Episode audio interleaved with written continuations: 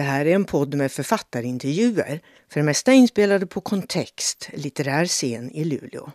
Kerstin Wikse håller i samtalen och ansvarar för podden.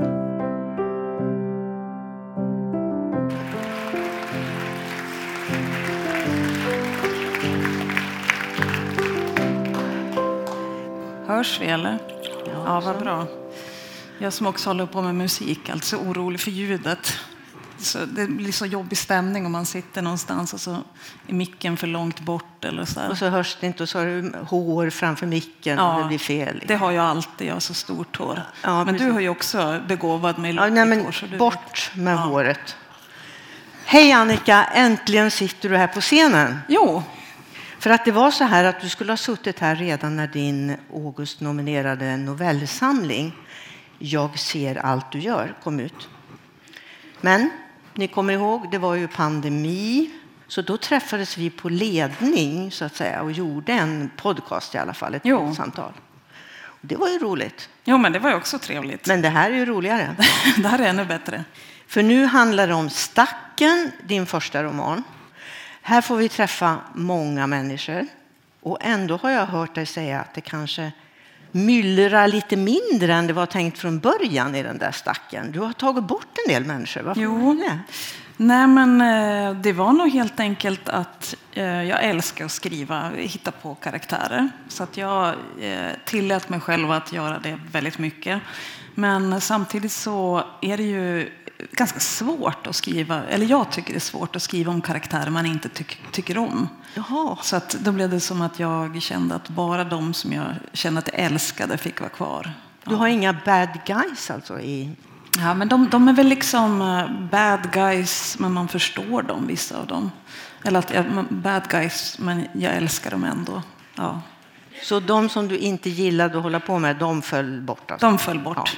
Ja. Du, stack, alltså, då tänker man ju på myror. Mm.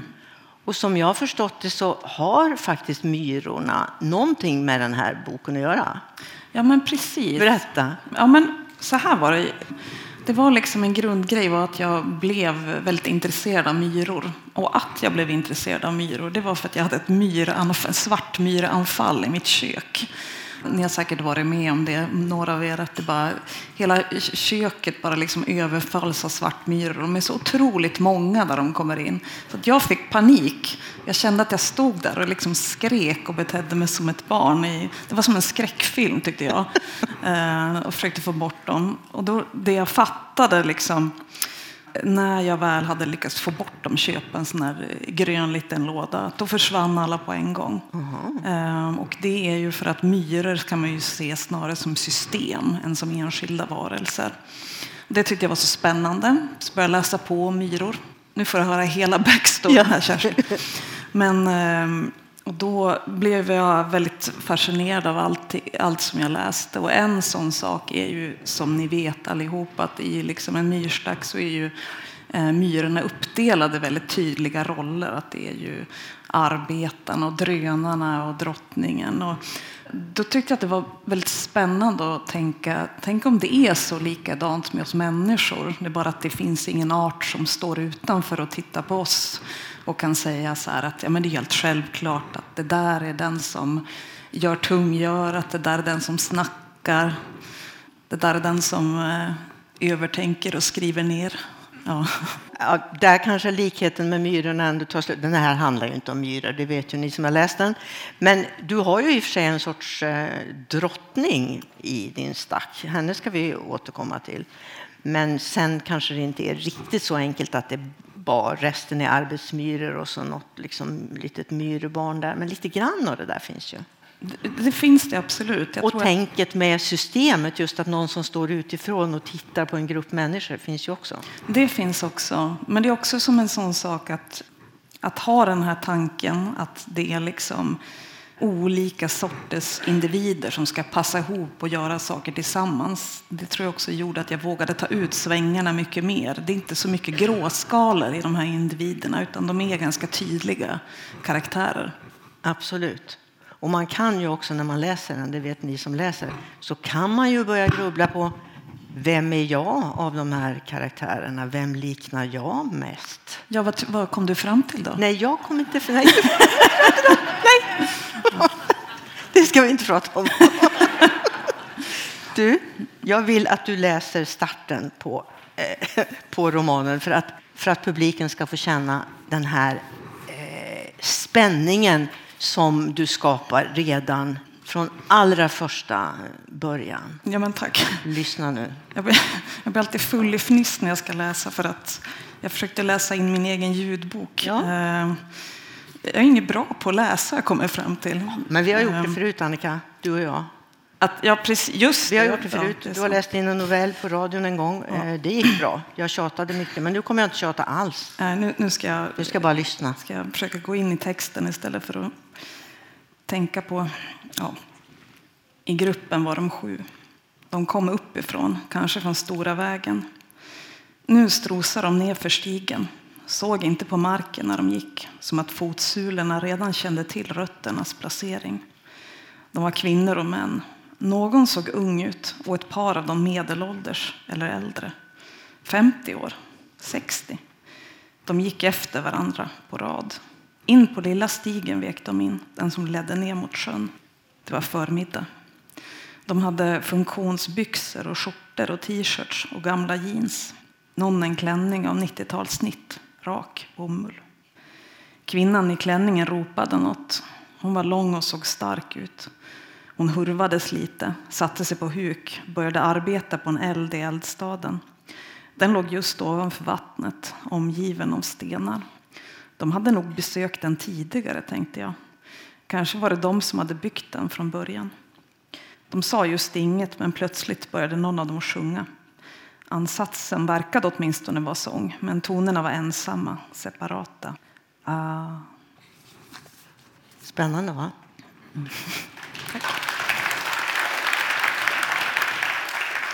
Du, den som får oss att bli så här nyfikna nu då, och som ser det här, det är Emily. Vem är hon och vad gör hon där i skogen? Ja, Emily är då en eh, utmattad storstadsjournalist som eh, har sökt sig till eh, uppe till... Vi är någonstans i, i eh, översta Norrlands inland, men vet inte exakt var.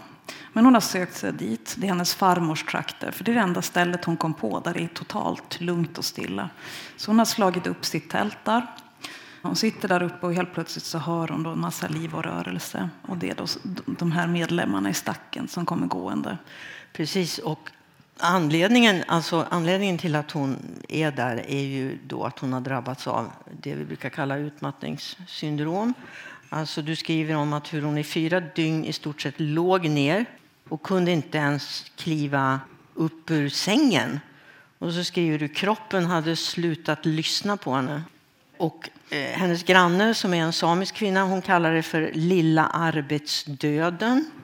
Och det har väl till del att göra med hennes jakt på arbete. Visst, Emily här nu. Hon springer och presterar mellan olika vikariat. Visst är det så?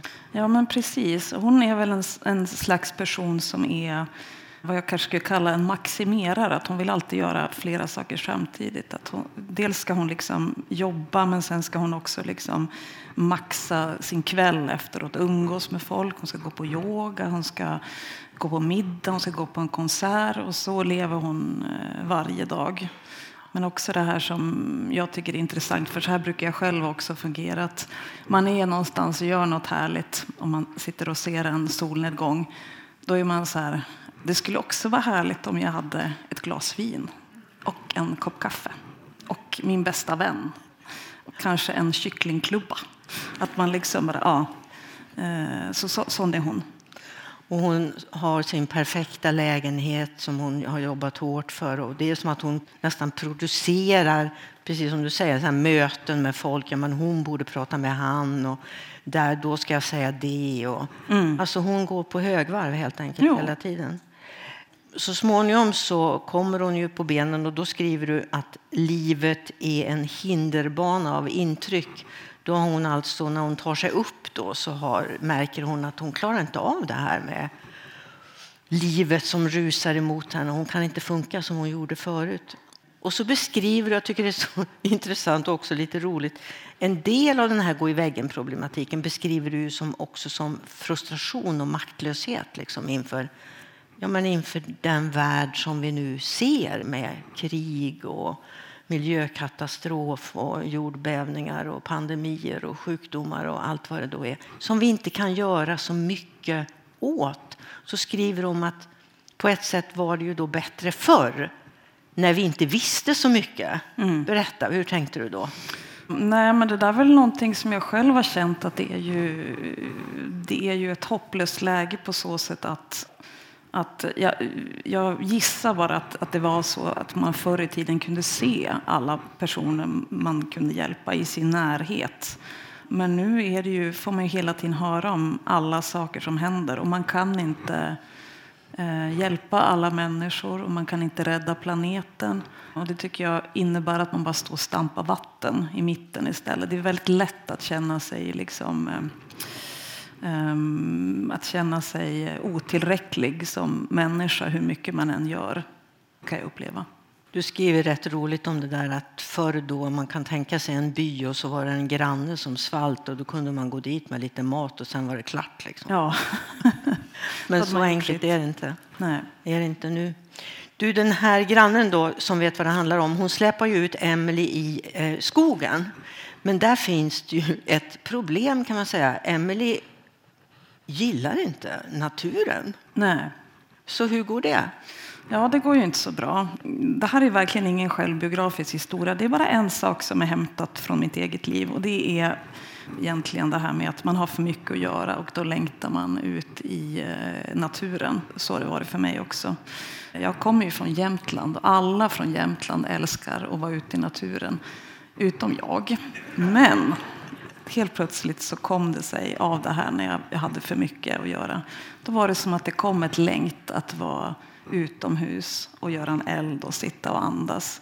Det var jag liksom tvungen att skriva in i boken för att det gick liksom inte att förklara på något annat sätt varför jag tycker att naturen och klimatet och att vi har för mycket intryck och för mycket saker runt oss. För mig hänger alltid ihop. Det kommer liksom som en enda klump varför naturen är viktig. Det har Emelie fått låna av mig, att hon helt plötsligt blir beroende av naturen. Blev du förvånad? När du plötsligt satt där vid elden i skogen och tänkte, nu sitter jag här. Ja, men också att det är väldigt roligt för att alla andra har ju, och särskilt då i mina kretsar, har ju älskat naturen för alltid. Och så kommer jag där helt plötsligt och bara, nu ska jag göra upp en eld. Ja. Så ingen har blivit så imponerad. Därför du låter ju Emily säga, och det är väldigt roligt, och du låter Emily säga en av mina favoritsaker med att bli vuxen var att slippa detta eviga påtvingade utomhus.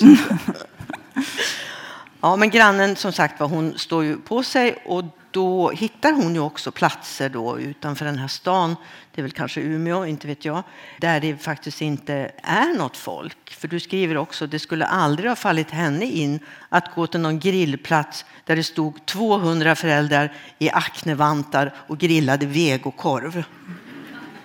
Alltså jag får ju hejda mig. Jag ska inte fortsätta att läsa upp en massa citat bara. Men alltså du är faktiskt väldigt rolig. Ja, men tack. jag skrattade så många gånger när jag läste den här boken. Ja, men eh, Emily är i alla fall en bitsk och bra iakttagare. Och eh, lite av dig, alltså det här hatandet av utomhus men eh, farmors hus eh, hittar hon ju då, Emily. Hon tänker, var ska jag ta vägen? Då åker hon dit. Farmors hus är ju inte kvar, det är sålt. Men hon har ändå varit där lite som, som barn då. Mm. Hon tar alltså med sig ett tält. Mm.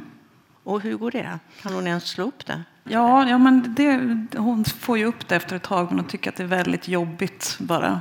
Jag tror att hon bara liksom agerar av ren panik, att hon liksom tänker inte så mycket. Hon bara hon bara tar det där tältet och åker upp och ser vad som händer lite. Det är det enda hon kommer på. Det är liksom, hon, hon behöver bara göra det. Det är liksom ingen sån här plan utan bara oh, Ja. Men hon handlar, hon har blivit så frisk så hon, hon genomför en sån drastisk handling i alla fall. Ja. Det är ju starkt. Mm.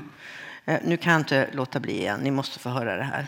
Hon beklagar sig alltså över då när hon åker upp där till farmors by över att hon inte är uppväxt där. För då skriver du så här. I så fall hade det kunnat bli en klassisk hemvändarhistoria. Enligt filmerna behöver en stadskvinna bara åka 20 mil uppåt landet så regnar det pittoreska pensionat och sexiga forna klasskamrater över henne. Anar jag kanske här en liten kritik av lite så här schablonbilder av Norrlands inland. Jo, jag tycker att det där är så roligt. Alltså jag kan själv tycka om några av de där filmerna och historierna, men det är alltid väldigt roligt, eh, upplever jag, när folk som själva kommer från storstäder har liksom en...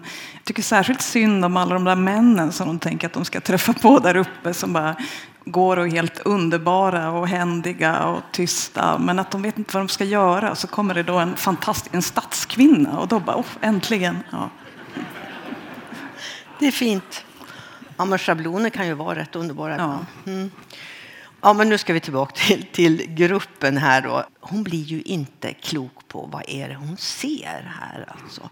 Vad är det egentligen som gör henne förvirrad när hon ser den här gruppen människor? Ja, men det som gör att hon blir förvirrad är att det är en grupp människor som inte hänger ihop. Alltså att hon, hon liksom ser inget sammanlänkande drag mellan dem. Det här tycker jag är ett väldigt intressant eh, grej. Jag brukar också tänka på det ibland om man är på ett fik eller något sånt. Så är det som att man alltid automatiskt tänker när man ser en grupp. Hur passar de ihop? Ofta är det ett väldigt enkelt svar bredvid en. Ja, men det där är en, en far och dotter eller det där är några kompisar. Men ibland händer det ju faktiskt att man ser några som man inte förstår hur de hänger samman. Och de här personerna som Emelie ser, där är det väldigt mycket så. Det är till exempel en man som är otroligt vacker. Han ser ut som en filmstjärna. Det är också liksom en, ehm, ett barn. Det är en, eh, en kvinna som sätter sig och stirrar på en myrstack. Och alla eh, deras kläder hänger inte heller ihop. Hon, hon, drömmer om att, att, om de hade haft så yogakläder på sig, då hade hon fattat vad de mm. gjorde här ute. Men de har inte det. Nej, eller friluftskläder allihop. Ja, eller? inte det heller. Utan det, det är liksom blandade kläder. Ja. Mm. Den, där, eh, den där yngsta personen där i flocken, han kanske är 14-15 år. Mm. Eh, då börjar hon tänka på, på en hund. Ja. Vad är det för hund? Ja, det är en, eh, hon minns en hund som en kompis till henne hade när hon var liten som, som var liksom så Emelies kom, kompis hade en mamma som tog hand om herrelösa hundar och så var det en hund som var liksom så förvirrad och eh, planlös att, att de var tvungna att skjuta den. Ja. Och han hette? De kallar den för stackars jäveln. Ja, det var det. Ja. Men den här stackars jäveln visar sig då heta Låke. Mm. Ja, och så börjar du då bygga romanen med dels de här sju människornas enskilda öden, dels Emelies dagboksanteckningar och sen har Stacken sina egna kapitel också, där Stacken så att säga berättar. Och här hittar vi då faktiskt en insektsforskare. Hon heter Sagne. Mm. Och som du sa här, du noterar ju tidigt då, eller Emelie noterar tidigt att när hon sitter på huk och tittar in i en myrstack så ser det ut som hon tittar på tv. Hon älskar insekter. Mm. Och eh, så småningom så får vi också veta att hennes önskan i livet det är just att få vara med bland människor utan att behöva prata så mycket. Men att bli accepterad liksom av en grupp. Så att redan här så antyder det att gruppen ger stor frihet för de här människorna som ingår i den. Att de, liksom en av det, grejen med hela stacken är ju att man ska få vara som man är. Mm. är det så? Jo, men precis. Det var liksom en, en tanke som jag har lekt med när jag har skrivit boken. Att skulle det vara skulle det vara härligt, skulle det vara en frihet eller skulle det vara instängande om man liksom levde i ett sammanhang, eh, alltså då liksom man tänker som ett familj eller vängrupp där det var väldigt tydligt exakt vad man skulle göra. Du är den som ska göra de här sakerna, du är de som ska göra de här sakerna. Att alla bidrar med vissa grejer, ingen behöver liksom göra allt eller kunna allt. Och det är väl en sak som jag har eh, ibland funderar på att det låter ganska härligt. Jag kan tycka att det mer och mer kommer ett krav från samhället att man ska kunna allting samtidigt. Jag har till exempel flera kompisar som har, har liksom barn som har liksom, ja, men de kanske till exempel olika NPF och sådär. Att, att um, man fattar att de här barnen tycker det liksom, det är inte att de tycker att det är liksom så jobbigt i sig utan det är att samhället kräver att de ska kunna allt och vara framgångsrika, driftiga människor som, som kan föra sin egen eh, talan och sådär. Så att jag har liksom testat den, den tanken. Hur, hur, eh, hur, skulle det vara på något sätt om man, ba, om man fick vara sig själv och göra de sakerna man kunde bra så fick andra göra annat? Mm, det kan vi fundera på. Ja. Eh, du, jag måste fråga om namnen på Stacken-medlemmarna. Eller, du kallar, eller Emily kallar dem för galna gänget ett tag där i början innan, ja. hon, innan hon vet så mycket. Vi har ju då Sagne och Låke, men, men sen har vi då Sara, Josef, Ersmo, Zakaria och Agny. Mm. Eller med två A i början. Eller blir det Ogny eller blir det Agny? Nej, Agny. Agny. Det är ju väldigt speciella namn. Jo. Ja, berätta. Betyder de speciella saker för dig? Eller? Eh, nej, det är nog mest att jag tycker att det är väldigt kul att hitta på namn. Ja. och då känns det tråkigt att ta namn som finns när man kan hitta på namn. Men jag ville som ändå att det skulle vara namn som låter som namn. Att man skulle kunna tänka sig att någon skulle heta Sagne utan att man skulle reagera och säga att det där är väl inget namn. Så att, eh, det kanske finns någon som heter Sagn också, det vet jag inte. Men eh, ja. så, så har jag nog eh, tänkt. Förutom Sara då, som av någon anledning heter bara Sara. Ja. ja.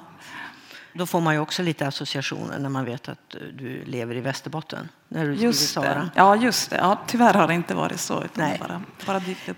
Du, när jag började läsa alltså en, en liten bit in i boken då tänkte jag nog att oj, den, det, här handlar, det här handlar nog om en sekt av något slag. Men, men det gör det ju inte alls. Alltså. Nej, det gör det inte. När du får den där frågan, vad är det här för grupp? Då? Hur, brukar du, hur brukar du allmänt sett beskriva gruppen då? Vad brukar du säga då? Ja, men det är en bra fråga för att jag märker av, av eh, de som har läst boken ändå, många kanske ändå tycker att det är en ganska extrem grupp.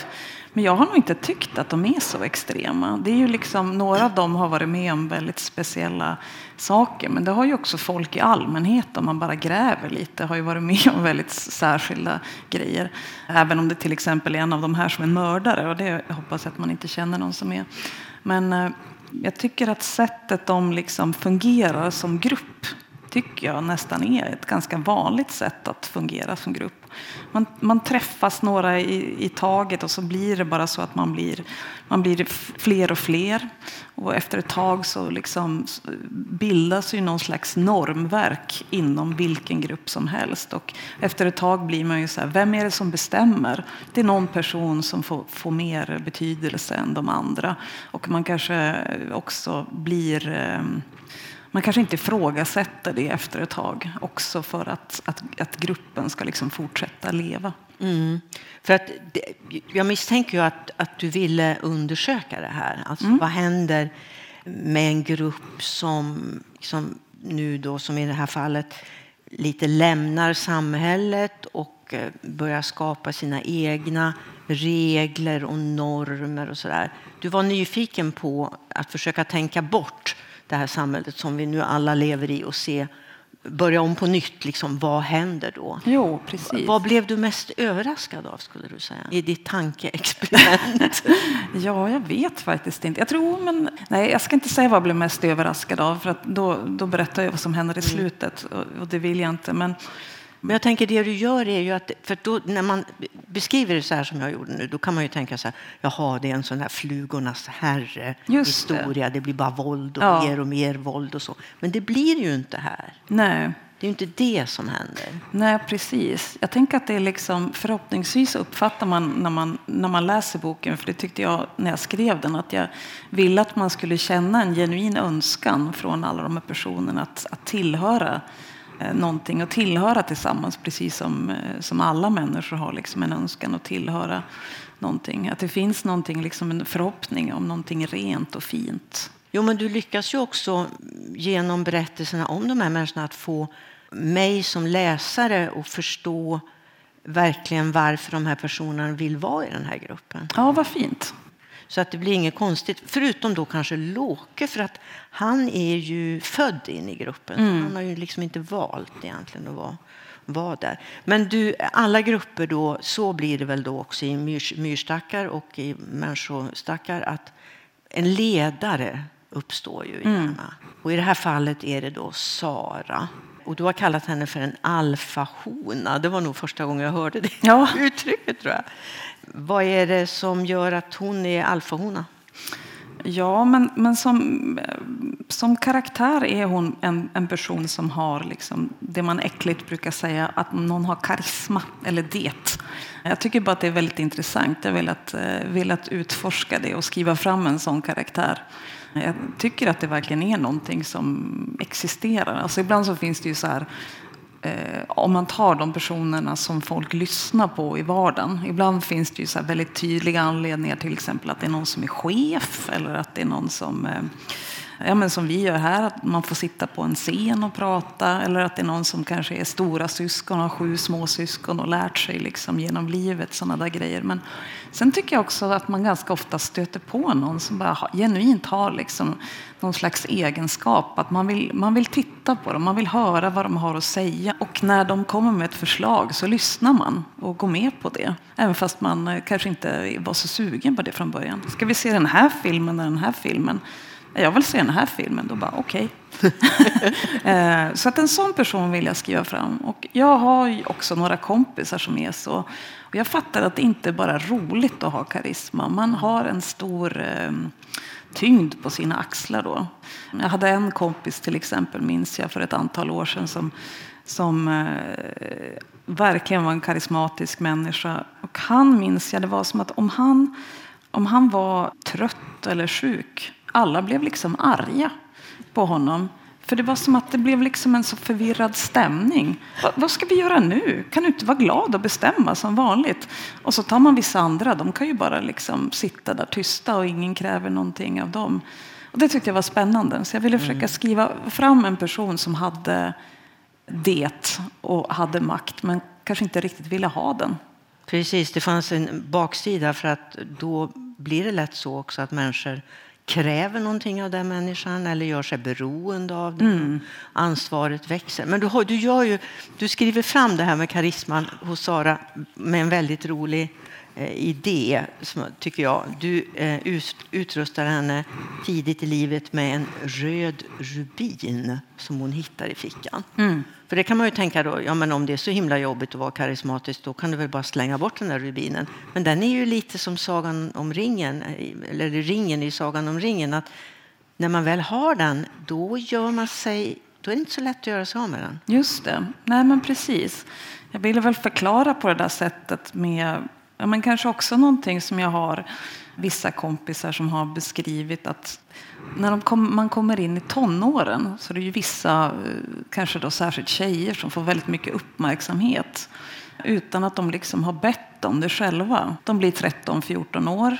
Helt plötsligt så ser människor på en på ett annat sätt även fast de fortfarande är barn. Men jag tycker att de har beskrivit det som att det är någonting som tilldelas dem utifrån. Det är inte en del av dem själva utan det, det kommer utifrån och de måste förhålla sig till det.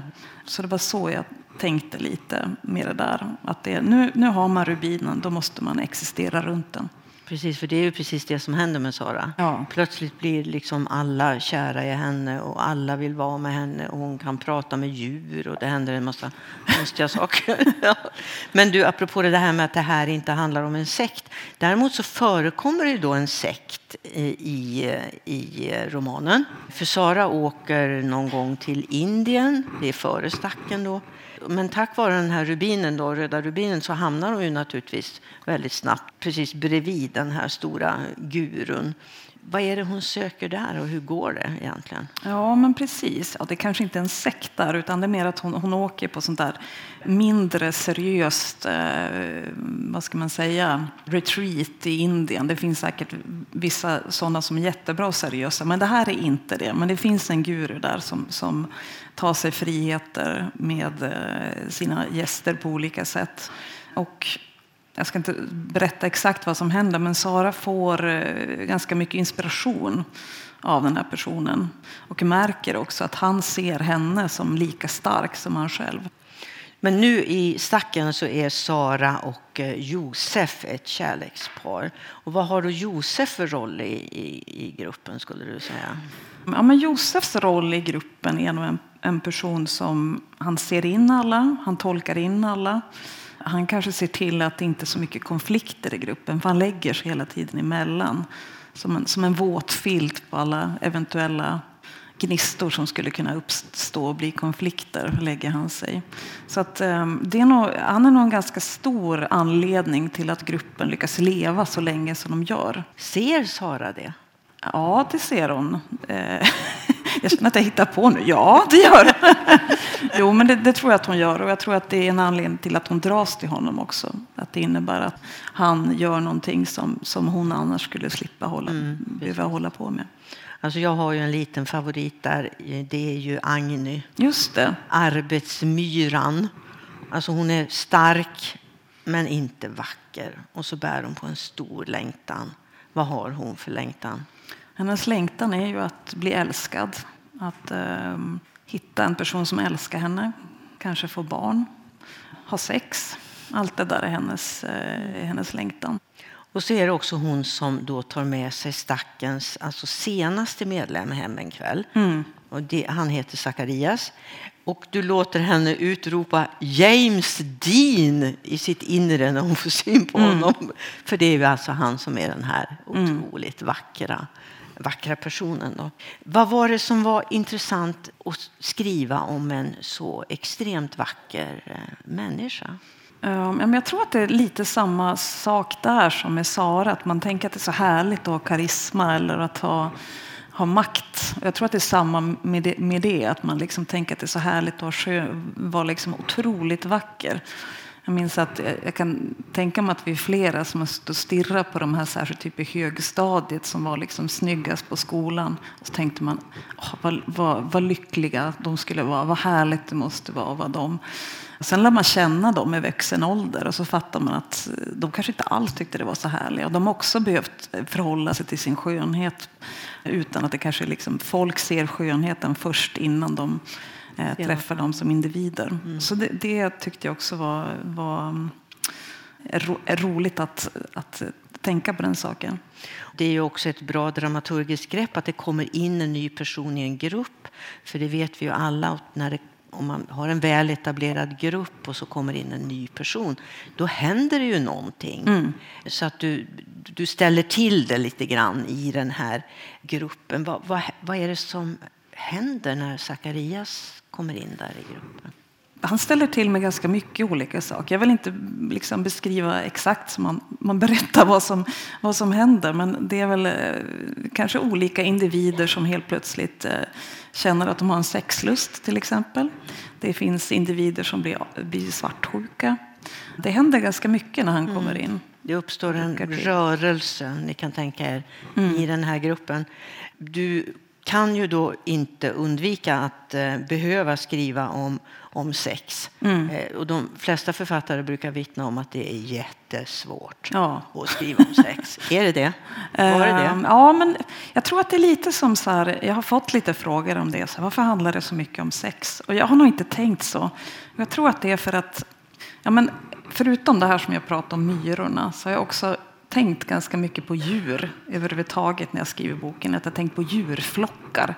Just det här som vi sa med alfahona till exempel. Att det är faktiskt ett ord som man kan läsa ganska ofta. Och det är om man går till exempel på vissa slags museum eller på zon och så, djurparker och sådär så beskrivs det ofta. Det här är, de här djuren rör sig i flockar om åtta individer som leds av en alfahona eller en alfahane. Att det är väldigt tydligt då, inom grupperna hur de eh, lever. Och det här är någonting som jag haft med mig hela tiden när jag skrivit. Att jag har liksom hela tiden haft en tanke om de här människorna som att det hade funnits en annan art som hade tittat på människan och hur de lever. Och jag har då försökt tänka på de här sakerna som existerar inom de flesta eh, ja, men till exempel då mat och fortplantning och så. Så att därför så har jag liksom tyckt att det var ganska nödvändigt att skriva mycket om sex. Och jag har också försökt att liksom skriva om sex på alla olika sätt som vad det kan vara. Att det kan vara ett maktmedel och det kan vara en, eh, det kan vara en otrolig kärlekshandling och det kan vara Ja, så det, olika, det kanske är därför ja. som ja, det, det, figurerar på olika ja, just sätt. Det, för att, nej, men det är det du säger, den här gruppen ägnar sig ju egentligen åt eh, överlevnad, mat, sömn, tak över huvudet. Och så kommer ju sex in där också som, mm. ett, som ett vanligt behov. så att säga. Men det är ju också lite som att du tar chansen att liksom granska vår vedertagna syn, tänker jag, på på eh, normaliteten, alltså den här starka tvåsamhetsnormen som vi lever med och otrohetsnormen och så. Det var väl ändå lite roligt?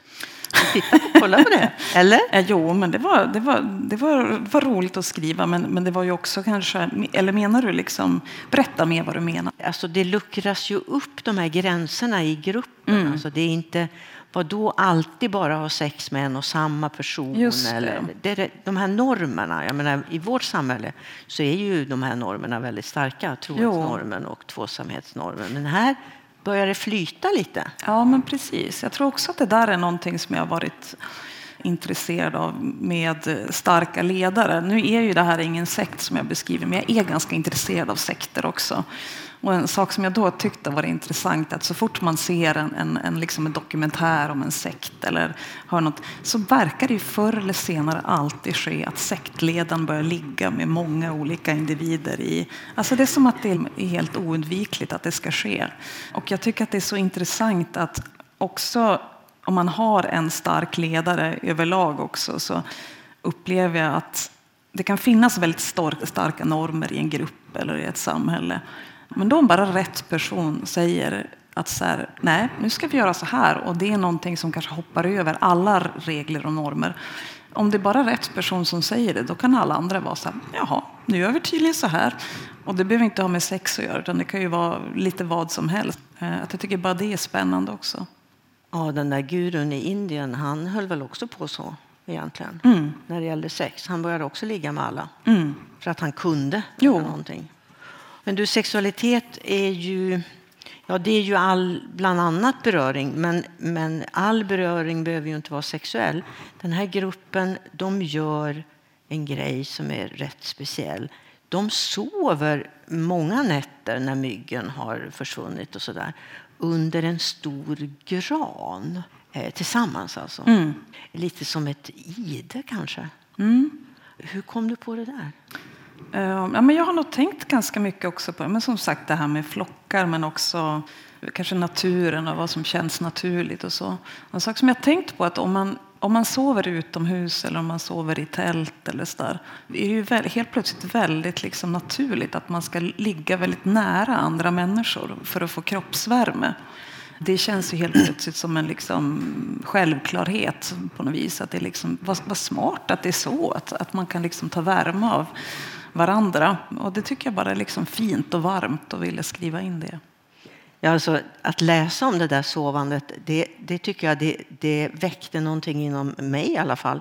Jag kände också att jag vill också sova en ja. stor gran med en massa människor som jag tycker om ja. omkring mig. Det blir ju som en ritual det här för, för uh, gruppen. Vad är det där för längtan, tror du?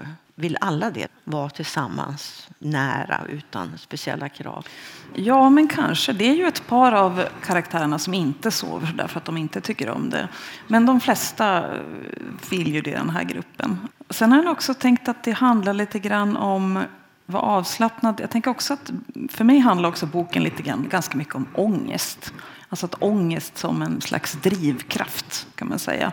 Som jag inte riktigt har tänkt på så mycket. För jag har haft turen att inte ha så mycket ångest i livet. Men när jag börjar fatta hur ofta saker, folk gör saker på grund av ångest. Att till exempel att eh, men bo på ställen för att, eh, för att deras ångest kräver att de inte bor liksom mitt i ett, ett stressigt samhälle eller, eller vad det skulle kunna vara. Så tänker jag också att det är en sån sak som att, eh, att lugn och oxytocin som är det som liksom utsöndras när man får närhet och sådär. Det som botemedel mot ångest. Ja, lite sånt. Mm.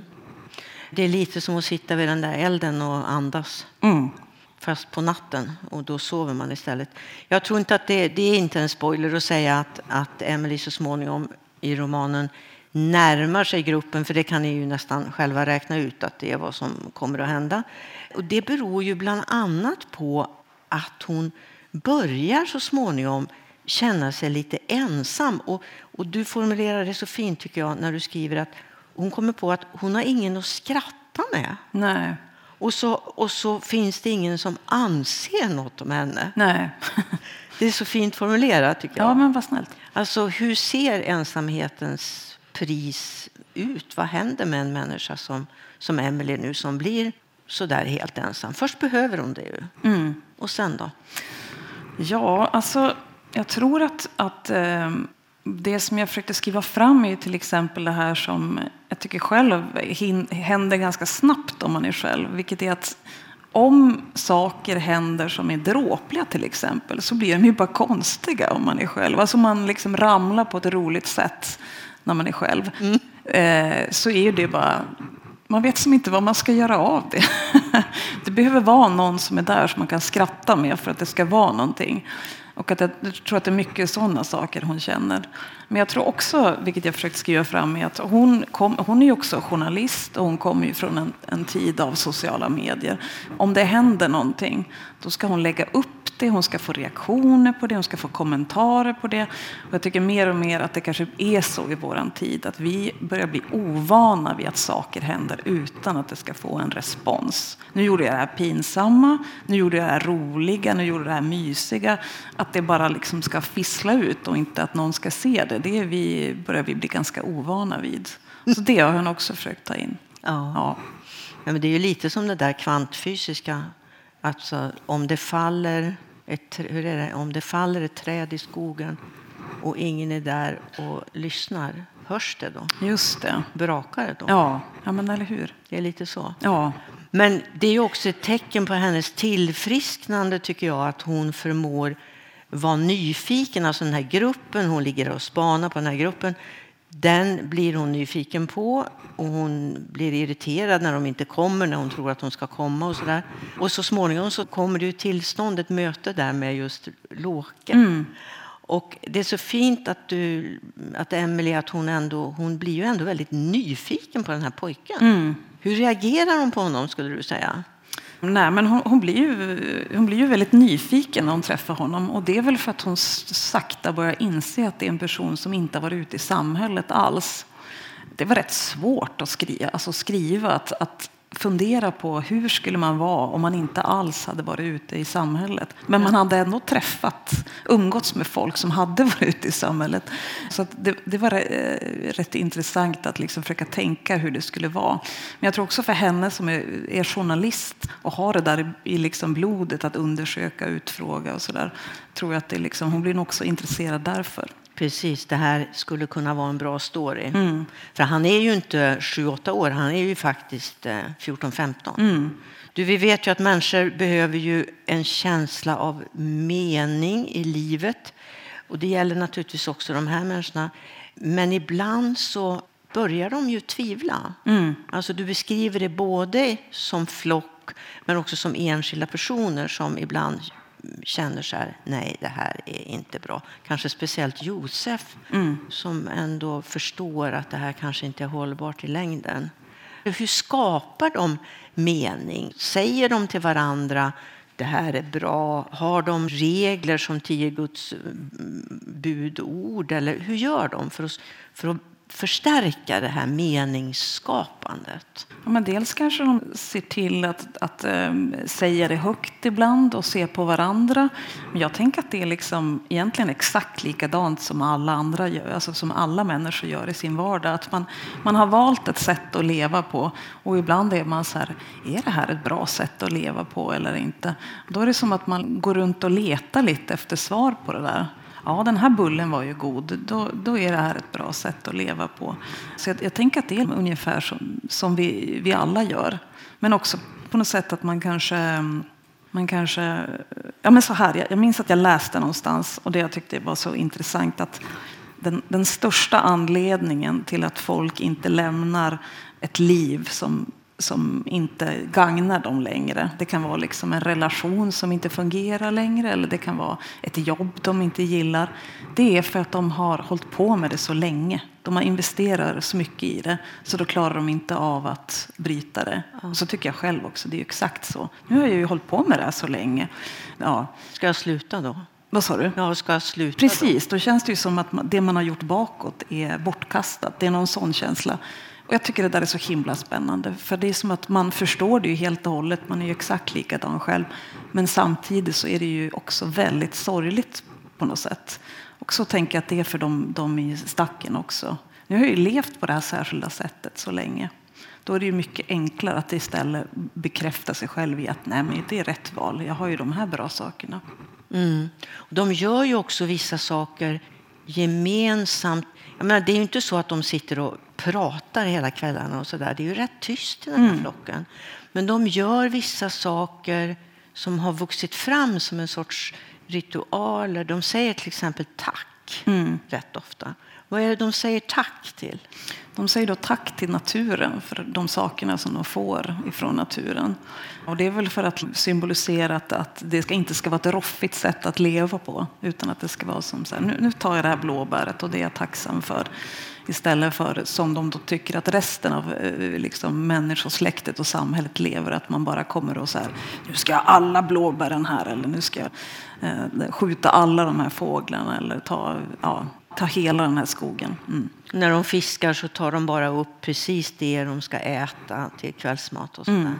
Men sen dansar de också. Jo, vad är det för någonting? Um, ja, men det, det vill jag också skriva in bara för att det kanske bara var så att de började dansa någon gång och så fortsatte de med det. Men det vill jag också skriva in för att jag också minns att jag hört vid något tillfälle att nästan alla kulturer dansar ju ofta. Men inte, inte vi västlänningar. Och absolut inte vi svenskar. Vi måste vara fulla och vara på krogen för att dansa. Det är så konstigt för det är ju liksom väldigt spontant i i kroppen. Så fort man hör en låt som är svängig så börjar ju alla liksom men det är som att eh, normerna håller oss från att, att dansa i vardagen. Så där tycker jag snarare ett sundhetstecken som de håller på med, att de dansar ute i naturen till vardags. Så därför vill jag ha med det. Du, vad, vad händer med din alfahona här? Vi ska inte spoila något slut eller något sånt. För det uppstår ju mer och mer problem i den här gruppen. Mm. Då. Hur, hur ser hon på det? Blir hon irriterad? Lämnar hon över till Josef och lösa de här konflikterna? Eller förmår hon fortsätta att älska de här människorna på samma sätt som hon, som hon gjorde från början? Um, ja, men det tror jag att hon gör. Jag tror att hon också på något sätt uh, försöker... Hon tänker ju att hon inte har så mycket makt. Hon upplever Nej, för hon tänker inte på sin makt på det sättet. Nej, de är ju en grupp människor och hon är ju en person lika mycket som de andra. Så jag tror att hon liksom inte tänker så, att det är liksom hon som ska behöva bestämma. Men däremot så tror jag att, och det här tänker jag är som en grej som gäller för de flesta människor som är karismatiska, att de är att de vet saker ganska tydligt. Att de är så här, så här tycker jag att det ska vara. De flesta andra är lite så här, ja, kanske så här eller så, jag vet inte. Men att det finns någonting med det där. Och så kanske det är för henne också. Att hon är, det är klart att vi ska ha det här livet, det är klart att vi ska leva så här. Det här är det naturliga. Och vad är det då i det där när de pratar om samhället och att de inte vill tillbaka dit, då har de olika skäl till det i och för mm. sig, att de inte vill det. Men övergripande, vad skulle du säga eh, det är att de vänder sig emot i det samhälle som existerar lite utanför dem? Då? Ja, men det tror jag är olika för alla individer i stacken. Några kan inte vara där. Någon har begått ett brott till exempel någon vill verkligen vara i stacken, tycker att det är liksom ett, ett svårt liv där utanför. Någon vill komma nära naturen. Så att alla har liksom olika anledningar att vara där. Så alla har också olika saker att förlora och ge upp om stacken skulle, skulle upplösas? Ja, precis. Och du rent praktiskt då, alltså de bor ju i ett hus. Ja. Men det syns knappt från vägen. Eller? Nej. Hur, hur ser det där ut? För det är i en sorts by. Eller det är inte någon by, de har någon granne men längre bort. Ja. Men eh, hur har de lyckats bli så här osynliga? ja, men det här tycker jag är så spännande. Det, det här känner ni ju säkert till allihopa som kommer från Luleå. Att, att ni säkert hänger eh, har varit mycket i olika byar. Och jag tycker att det är så när jag har varit det så är jag så fascinerad av att jag upplever att ofta i en by så har man jättebra koll på varann. Vad som händer och man liksom stannar och pratar och så där. Och nu har de där köpt en ny bil och så. Men jag tycker om man är i byar, ibland så kommer det ju att det mellan byarna finns ett enda hus. Och det finns ett sånt hus som jag har sett när jag har vistats i en by.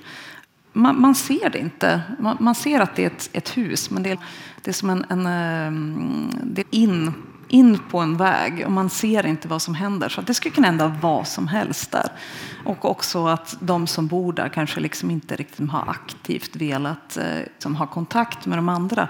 Jag tycker det är så himla spännande att jag har alltid tänkt på när jag liksom åker förbi där. Men vad för sig går i det där huset? Det skulle kunna vara vad som helst. Och vad lätt det skulle vara. För det är inte som att det åker spontant åker förbi någon myndighet där långt ute i liksom så att jag tycker att det där är så himla intressant att tänka på. Men också när jag började tänka på det där så tycker jag att nästa tanke är ju så här. Ja, men om man bor i ett sånt här skokartongshus med tusen eh, våningar i en storstad är det kanske ännu lättare att helt försvinna i mängden där. Precis, ja. det skulle jag tro att det är. Jo, kanske. För byar är ju ändå väldigt bra. Jag bor själv i en by. Ja. De är ju väldigt bra på att hålla koll på folk. Jo. Även ja, om husen är lite bortvända ja. från gatan. alltså Annika, eh, hur blir du i grupp? Blir du olika i olika grupper eller blir du det som gruppen förväntar sig att du ska vara? Eller har du koll på det? Ja, men det är nog väldigt olika tror jag, hur jag blir i olika grupper. Jag har ju fått så här, vara med eftersom jag eh, först har varit journalist från eh, grunden, har varit på många olika redaktörer eller redaktioner. Sen har jag pluggat ganska mycket så att jag har liksom varit i många olika skolklasser. Så spelar jag musik så jag har varit i flera olika band och så har jag ju såklart kompisgäng och sådär som alla andra. Så jag tycker en känsla är nog att man blir lite olika. Men jag känner ofta att jag kanske anpassar mig till eh, gruppen och blir, blir det som behövs. Du känner in? Ja, men jag är ju också, jag älskar ju att glo på folk. Så att det är som, kanske det också, försöker tänka in. Ja, för det har jag förstått att du tycker om att titta på människor. Jo. Att du gillar att glo på folk. Jo, precis. Och fantasi, eller du glor väl inte, du tittar väl lite diskret kanske. Men, ja, det men. vet jag inte. Nej, men jag tycker att det är, det är som en sak som jag också vill det finns ju som sagt en insektsforskare som heter Sagne. Mm. Eh, och jag tycker att det är så spännande för att jag har en, en, en kompis, deras dotter har alltid varit så att hon, att hon har älskat att, att eh, hon har alltid haft koll på insekter. De är helt ointresserade av insekter, men hon har alltid varit så från första början att hon har noterat det där, helt ointresserad av vad, vad människor pratar om. Och jag tycker att det är så med liksom barn och även vuxna, att alla har liksom, man ser olika saker, man har blickar för olika grejer. Alla som sitter i det här rummet nu kommer tänka på olika grejer. Någon tänker på våra frisyrer och någon annan tänker på vad det är för ljud och någon annan tänker på eh, de som sitter bredvid eller vad som helst. Alla kommer se olika saker. Och för mig har det alltid varit så med folk att jag, jag bara liksom är intresserad av människor. Men känner väldigt stor, jag vill verkligen säga det, för det låter lite äckligt att man sitter och glor på folk. Men det är verkligen med kärlek. Jag känner mig som Sagne när hon sitter och tittar på myrstackarna och bara vill hon vill bara veta, förstå vad som händer och känner den liksom, tänk att de finns de här myrorna, tänk att de gör de här sakerna. Så, så känner jag nog för människor också. Så känner du för människor också? Jo. Ja, men då hör vi ju, det är ju, då är det ju långt ifrån en slump att du har skrivit en bok som heter Stacken. Ja. Det, står, det verkar ju fullständigt solklart nu plötsligt. Jo. Alltså att du alltid har sett flockar som, vad var det du sa förut, att det är som ekosystem. Liksom. Mm och att du tycker om att titta på människor och se hur de beter I din novellsamling är det ju också mycket sånt jo. som du skriver om. Jo. Jag hoppas ni har läst den. Om inte så gör det.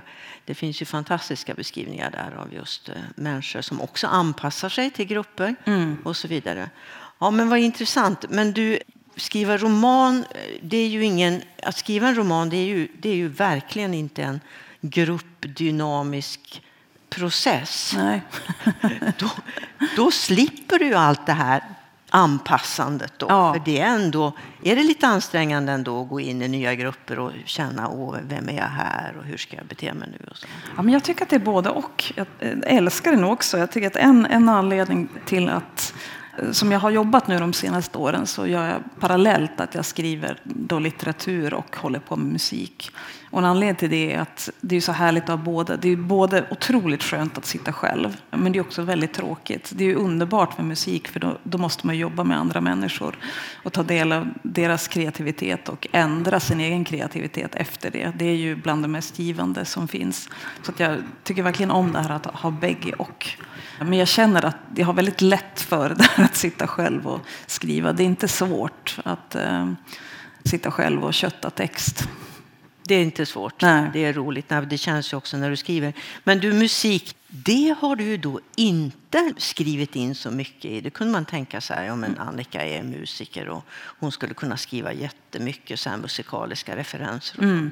Har du valt bort det? Eller hur? Det är inte mycket sånt i, i. Nej, Men nej, de men, kanske inte lyssnar på... Jo, de lyssnar på ja, det är lite musik där. Nej, men det är ju, I novellsamlingen så är det ju ett par texter som handlar om ett, ett band på turné och sådär. Så att delvis var det väl lite att jag kände att jag hade uttömt det lite grann där. Men sen tänker jag nog ganska mycket att det är ungefär som att skriva musik och skriva, alltså, skriva litteratur. För mig blir det ju så eftersom det är så jag är van. Och jag tänker nog jag tänker nog att jag skriver musik fast jag har inte själva musiken så att jag måste liksom skriva in det i, i, eh, i rytmen eller liksom i detaljer. Jag kan nog tänka som så här, här skulle jag vilja ha en flöjt så då kanske jag lägger in att de kollar på en fågel. Ja, just ja, lite sådana. Ja, saker. En del författare skriver ju med musik, eh, lyssnar på musik, eller har musik på samtidigt som de skriver. Gör du så eller har du tyst? Ja, absolut. Och jag tror att det är också mycket för att jag fick ett tips av min kompis eh, Pernilla Berglund som är poet som bor i Umeå. Och då sa hon att ja, men om man ska skriva längre är det ju en klurig grej att man måste komma in i samma känsla som man hade senaste gången man skrev på det. Om man skriver en låt då kan man bara skriva låten och så nästa dag så kanske man känner sig på ett annat sätt och skriver man en annan låt. Men om man skriver roman eller liksom noveller och längre, då måste man ju liksom komma in i samma sinnesstämning som man var förra gången. Och då sa hon, då, då kan man liksom välja ut en skiva eller ett band till, till projektet man håller på med. Så, så liksom hjälper det att man kommer in i. Så, så har det varit jättemycket för mig. Mm. Vad har du lyssnat på? Ja, både, både på den här boken och på min novellsamling har jag lyssnat på samma person. Det är en norsk pianist som heter Otto Tåtland som jag har lyssnat på då, kanske varje dag i sex år. Eh, tröttnar aldrig. Och det är också på något sätt att jag är så van vid hans musik att det bara pågår bakom utan att jag blir liksom inte förvånad. Och det är ju positivt när man skriver. Man vill inte att det ska ta upp för mycket plats. Men eh, det var roligt för att jag träffade Otto Tåtland vid ett tillfälle. Jag åkte på en av hans spelningar. Och jag, jag blev jätteglad. Hej Otto, det är jag. Vi har ju nästan skrivit två böcker ihop. Han bara, hej. Ja. ja. Han fattar inte. Nej. Han fattar inte. Nej, och inte konstigt, för han har inte varit med vid de här sex åren. Annika, jag tycker att den här friheten du känner när du skriver, den märks verkligen i den här boken. Här finns en stark skrivarglädje och, och inte minst språklig eh, kreativitet. Och som jag sa förut, jag skrattade högt, alltså jag vet inte hur många gånger under läsningen. Och det var lite tråkigt för att man läser ju ensam och då hade jag ingen att skratta med just. Men jag fick ju skratta med, med, med boken då.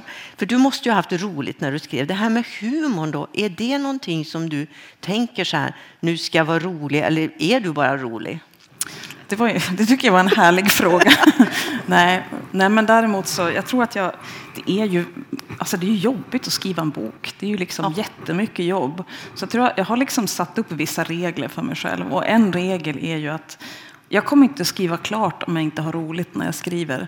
Så då får jag, då får jag skriva om de sakerna som jag tycker är roliga. Ja.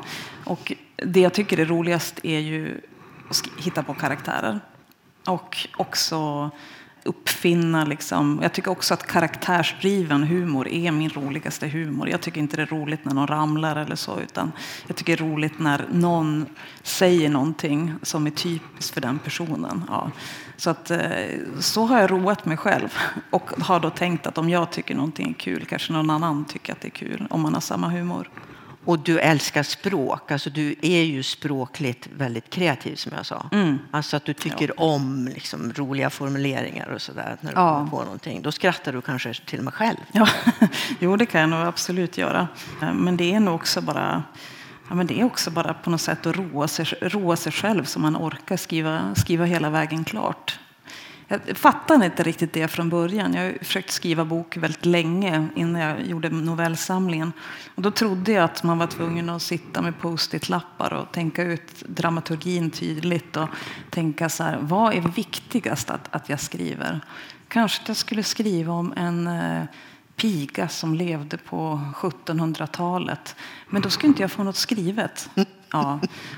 Jag har ju gått en eh, romankurs med författaren Monica Fagerholm. Hon har också gett det tipset att, att eh, skriv där, där du tycker att det finns någonting att, att hämta. För det är liksom då man får det mesta skrivet. Och det tycker jag stämmer. Och den här drömtillvaron som du beskrev då med musik eh, som ett ben och skrivandet eh, som det andra.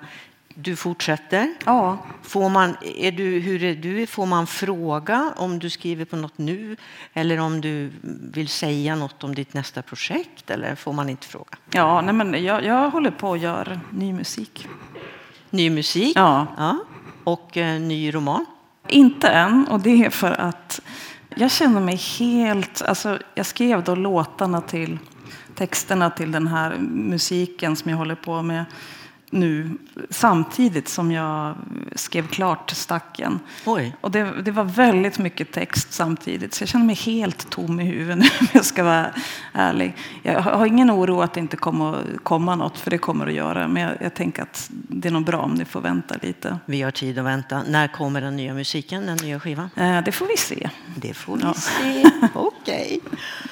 Okej, okay, apropå tystnad då, för nu ska vi tystna eh, alldeles snart, så ska du få en, eh, jag tänkte att du skulle få ett värmländskt säg på vägen som Oj. jag fick av en vän för ett par år sedan. Hans farmor eh, brukade säga så här, en ska aldrig försitta ett bra tillfälle och hålla käften. tycker det är rätt bra. Ja. ja. jag vet inte varför jag ville Men hur menar du? Varför fick jag det där? För att vi ska hålla käften nu. Ja.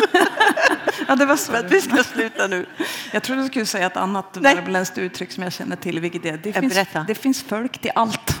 Det finns, det finns folk till allt. Ja, ja. Finns, absolut. Ja. Annika Norlin, tack. Tack så hemskt för att du kom till Kontext. Tack.